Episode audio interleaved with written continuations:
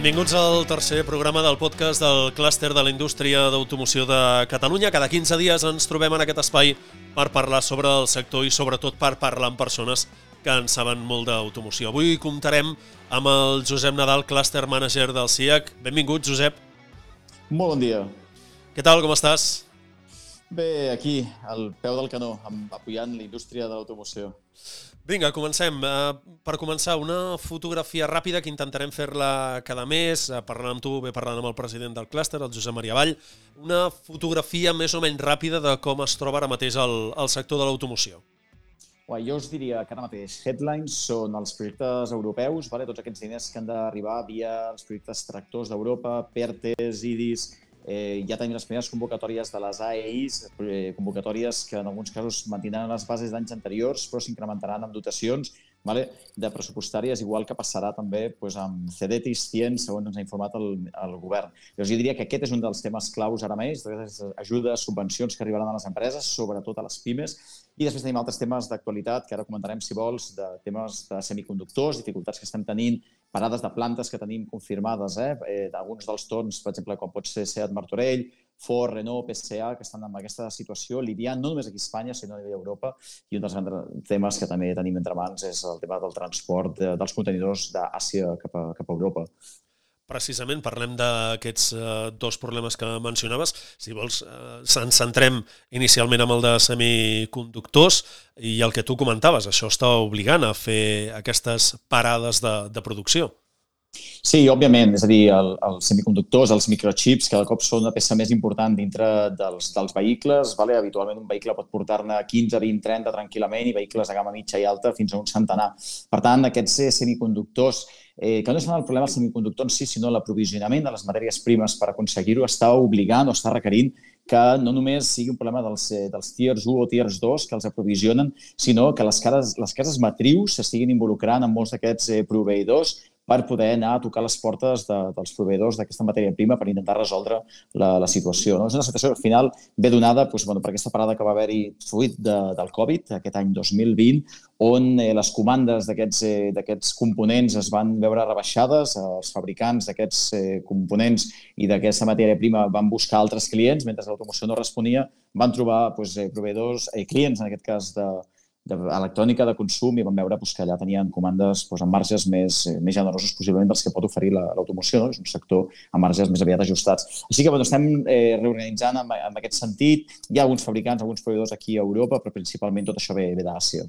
I es preveu una solució a curt o mig termini?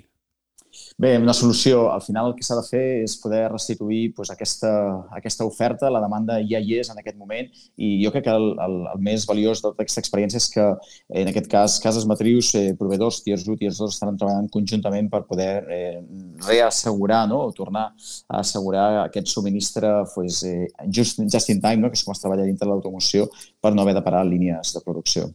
Com comentàvem al principi, a banda de la pandèmia s'ha afegit aquest eh, problema de, de semiconductors i també el mencionaves tu a l'inici, tenim aquest problema del transport entre Àsia i Europa que ha multiplicat el preu d'aquest transport, de fet en alguns eh, casos no és el generalitzat, però en alguns casos el preu ha arribat a multiplicar-se fins a un 1.000%.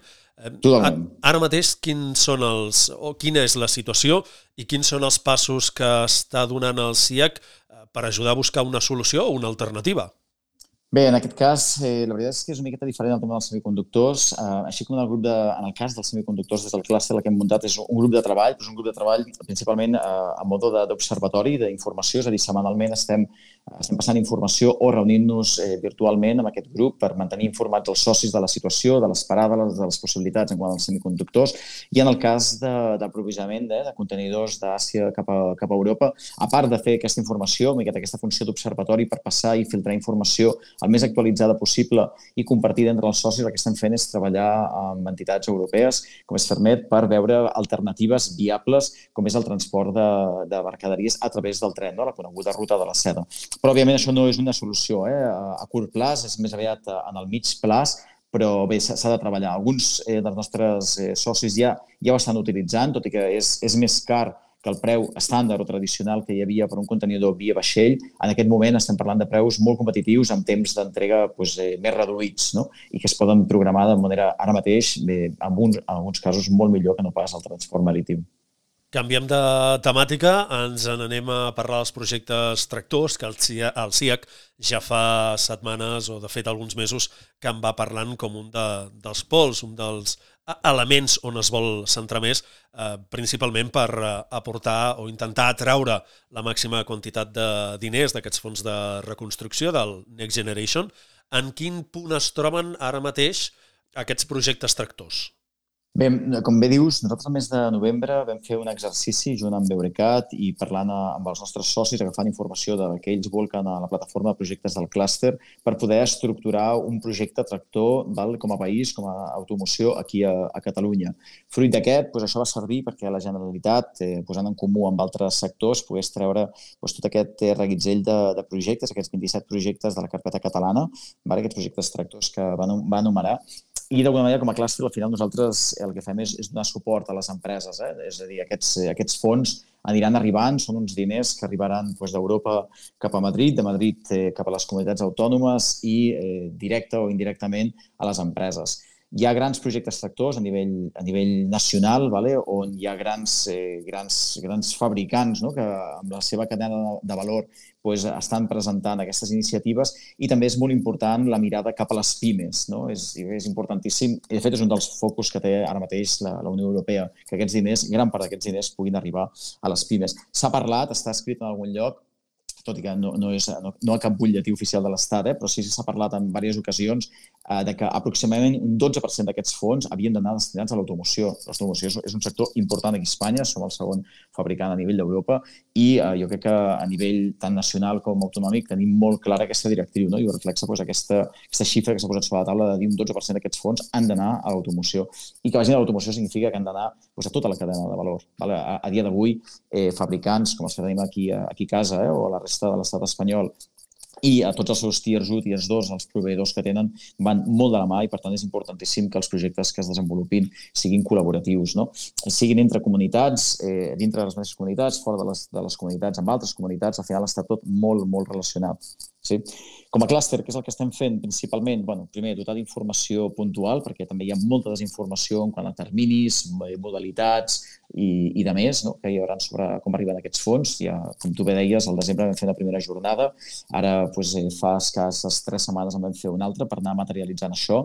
Com a clúster tenim identificats ara mateix 47 projectes que els socis han llançat a la, a la plataforma, i que podrien encaixar dintre d'aquestes ajudes que aniran arribant al llarg dels propers 3 anys, importantíssim, eh? no tot serà el 2021, 22 i 23 també hi jugaran un paper clau, i el format en què arribaran, si serà via Ministeri, via la Generalitat, via ajuntaments, amb, amb convocatòries que ja existien, amb majors dotacions o noves convocatòries, tot això s'està acabant de definir fet nosaltres com a clúster mantenim una comunicació molt fluida, no només amb la Generalitat, sinó també amb el Ministeri, per anar eh, doncs, observant i aportant informació de, de quina manera ha de, han de venir aquests fons.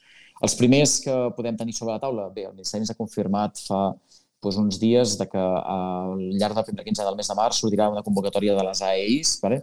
eh, el FIGA és una entitat AEI, és una convocatòria dotada de 8 milions d'euros amb una intensitat d'ajuda que pot arribar fins al 80% per projectes col·laboratius.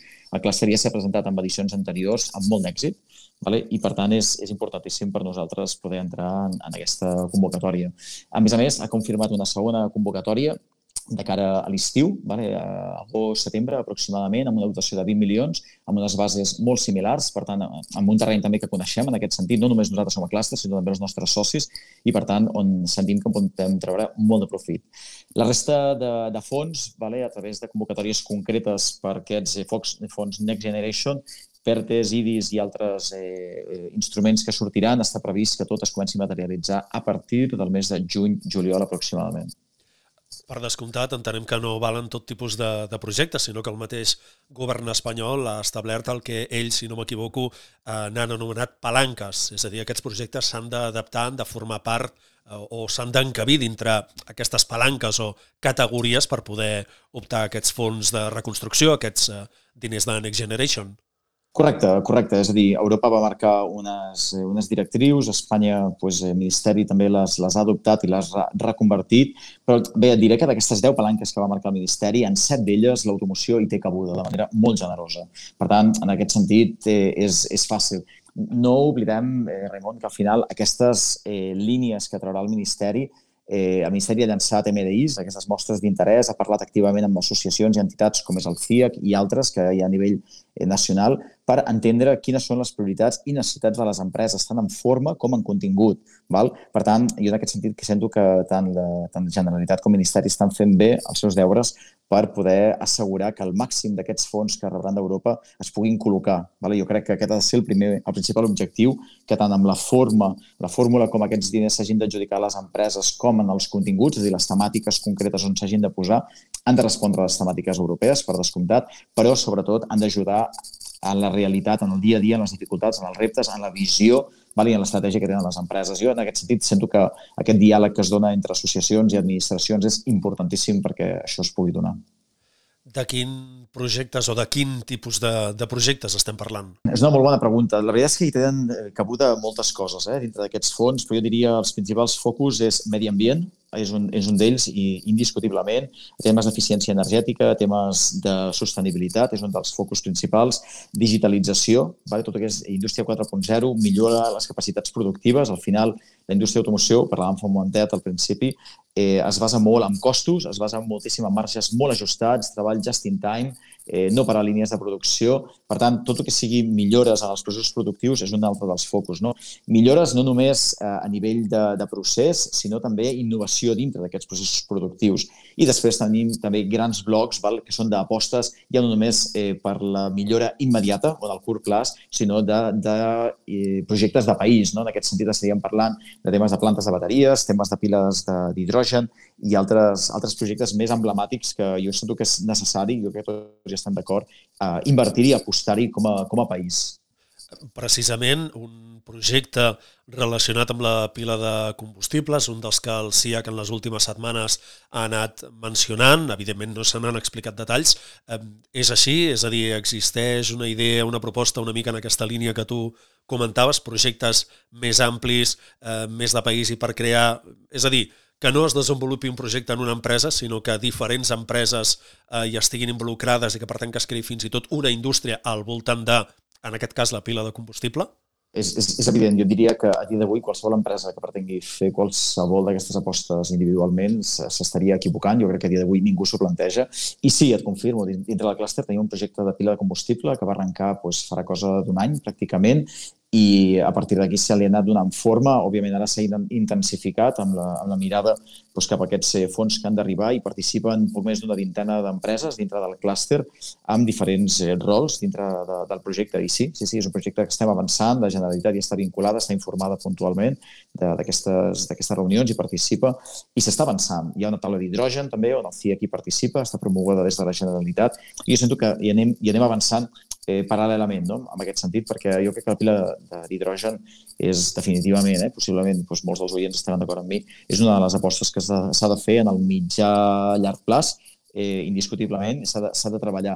Ara mateix, a fabricar eh, piles d'hidrogen aquí a Catalunya, bueno, bé, jo, jo crec que ara és, és important començar amb temes d'investigació, és a dir, assegurar-nos eh, un, un centre d'investigació o un observatori, algun tipus d'exercici de, primer més de desenvolupament per després poder-ho materialitzar quan ha arribat el moment. No?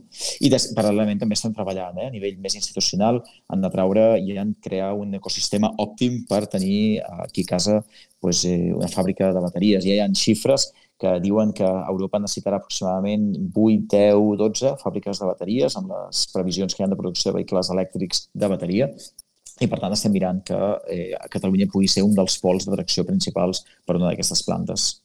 Doncs seguirem pendents de com evoluciona aquesta proposta de la pila de combustible, és a dir, tecnologia d'hidrogen, i també com evoluciona aquesta posada en marxa o no, l'entrada o no d'una fàbrica de, de bateries que, com molt bé comentes, eh, probablement hauria de cobrir part de la demanda europea. Josep Nadal, Cluster Manager del CIAC, moltes gràcies per venir a un nou episodi del podcast. Moltíssimes gràcies a vosaltres. En la propera us donem més informació, més actualitzacions de, dels nous, de les noves entregues que tenim des del clúster. Gràcies. Gràcies i nosaltres ens retrobem d'aquí dues setmanes amb un nou convidat al programa.